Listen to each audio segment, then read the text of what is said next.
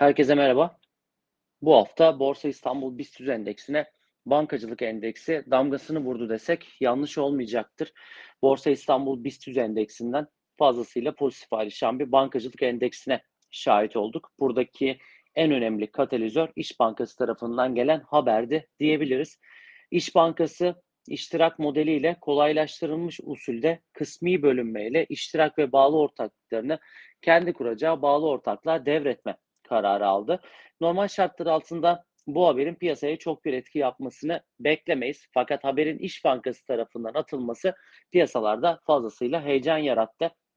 Kısa vadede bankaya 2023 yıl sonuna kadar birleşme bölünmelerle ilgili vergi avantajı ile banka bilançosunun sadeleşmesi avantaj yaratabilir gibi gözüküyor ve bu durumun etkisinin de olumlu etkilerini İş Bankası hissesi üzerinde fazlasıyla gördük. Fiyatlamalar arasına dahil olmuş durumda diyebiliriz. Uzun vadede ise yeni kurulacak bağlı ortaklığın içerisinde Şişe, İşmen, İşkeo, Anadolu Hayat gibi yaklaşık 150 şirketin içinde olacağı bu şirketin halka arzına ilişkin beklentiler de fiyatlamalar arasına dahil olabilir diye düşünüyoruz. Bu hafta itibariyle baktığımız zaman haberin geldiği gün 0.96 olan piyasa değeri defter değeri İş Bankası'nın özel bankalara biraz daha yaklaşmış durumda. Birin üstüne çıktı. Fiyatlamalarda bu haftanın en çok kazandıran şirketlerinden bir tanesi de İş Bankası oldu diyebiliriz.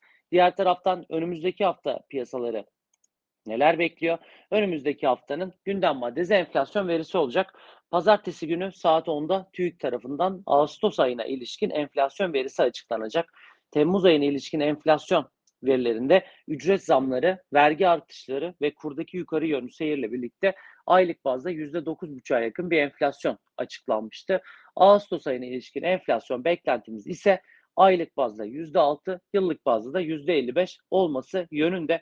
Yılın 3. enflasyon raporu toplantısında yıl sonu enflasyon beklentisi Merkez Bankası tarafından %22.3'ten %58'e güncellenmişti. Piyasa beklentisi ise %65'li seviyelerde yoğunlaşmakta diyebiliriz. Fiyatlar genel düzeyindeki artışların şirket karlılıklarını olumlu etkileyebileceği algısı ve risksiz getirilerin enflasyon karşısında yetersiz kalmasının piyasa fiyatlamaları arasına yer aldığını düşünmekteyiz ki Türkiye Cumhuriyet Merkez Bankası'nın aldığı bazı kararlara baktığımız zaman kur korumalı mevduat hesaplarından standart TL mevduat dönüştürme hesaplarına bankalar özelinde hedefler getirildi ve e, buradaki düzenleme ki olası banka mevduatlarının enflasyona yakın sanması durumu belki de Borsa İstanbul tarafından para çıkışlarını hızlandırabilir. Neden? Çünkü bu sefer de risksiz getiriler enflasyon karşısında yeterli kalabilir algısının fiyatlamalarını görebiliriz ama şu an için enflasyon fiyatlamaları fiyatlamalar arasında e, ki yerini koruyor. Biraz önce söylediğimiz kur korumalı mevduat hesaplarını standart TL mevduata dönüştürme hedefi ardından e, bu gelen hamleyle birlikte merakla beklenen faiz kararı da beklenti üstü geldi. Türkiye Cumhuriyet Merkez Bankası 750 bas artışla %25'e çekilen ve yıl sonu politika faiz beklentilerinin de yukarı yönlü devizesi enflasyon tarafının 2023 yılında dezenflasyon sürecinin de başlanabileceğine dair beklentilere yoğunlaştırdı diyebiliriz. Çünkü %17,5'luk bir politika faizinizin olduğu yerde mevduat faizlerini enflasyona yaklaştırmanız biraz zor.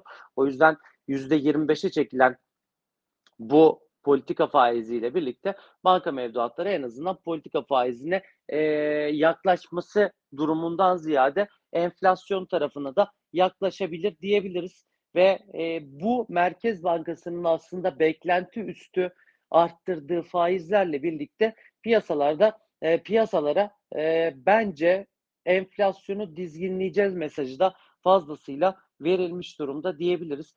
Dezenflasyon süreciyle ilgili açıklama yapan Hazine ve Maliye Bakanı Mehmet Şimşek de 2024 yılında dezenflasyon ve ekonomide yapısal dönüşümün hız kazanacağını belirtti. İç talebin yavaşlayacağı bir döneme gireceğiz ifadesini kullandı.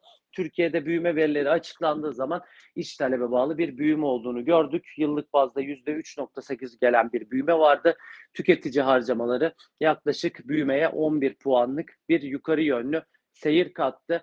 Diğer taraftan da net ihracat kalemi 7 puana yakın bir negatif etki yarattı ki zaten e, ithalatın ihracatı karşılayamadığı bir noktada dış ticaret açığımız da artmaya devam ediyor. Mehmet Şimşek de net ihracat kalemindeki bu negatif seyrin büyümeye etkisini de değerlendirdi ve rasyonelite çerçevesi içerisinde atılan adımların devam edeceği mesajlarını verdi diyebiliriz. Bu haftalık e, söyleyeceklerim benim bu kadar. Herkese sağlıklı günler, iyi seanslar diliyorum. Önümüzdeki hafta için şimdiden bol kazançlar.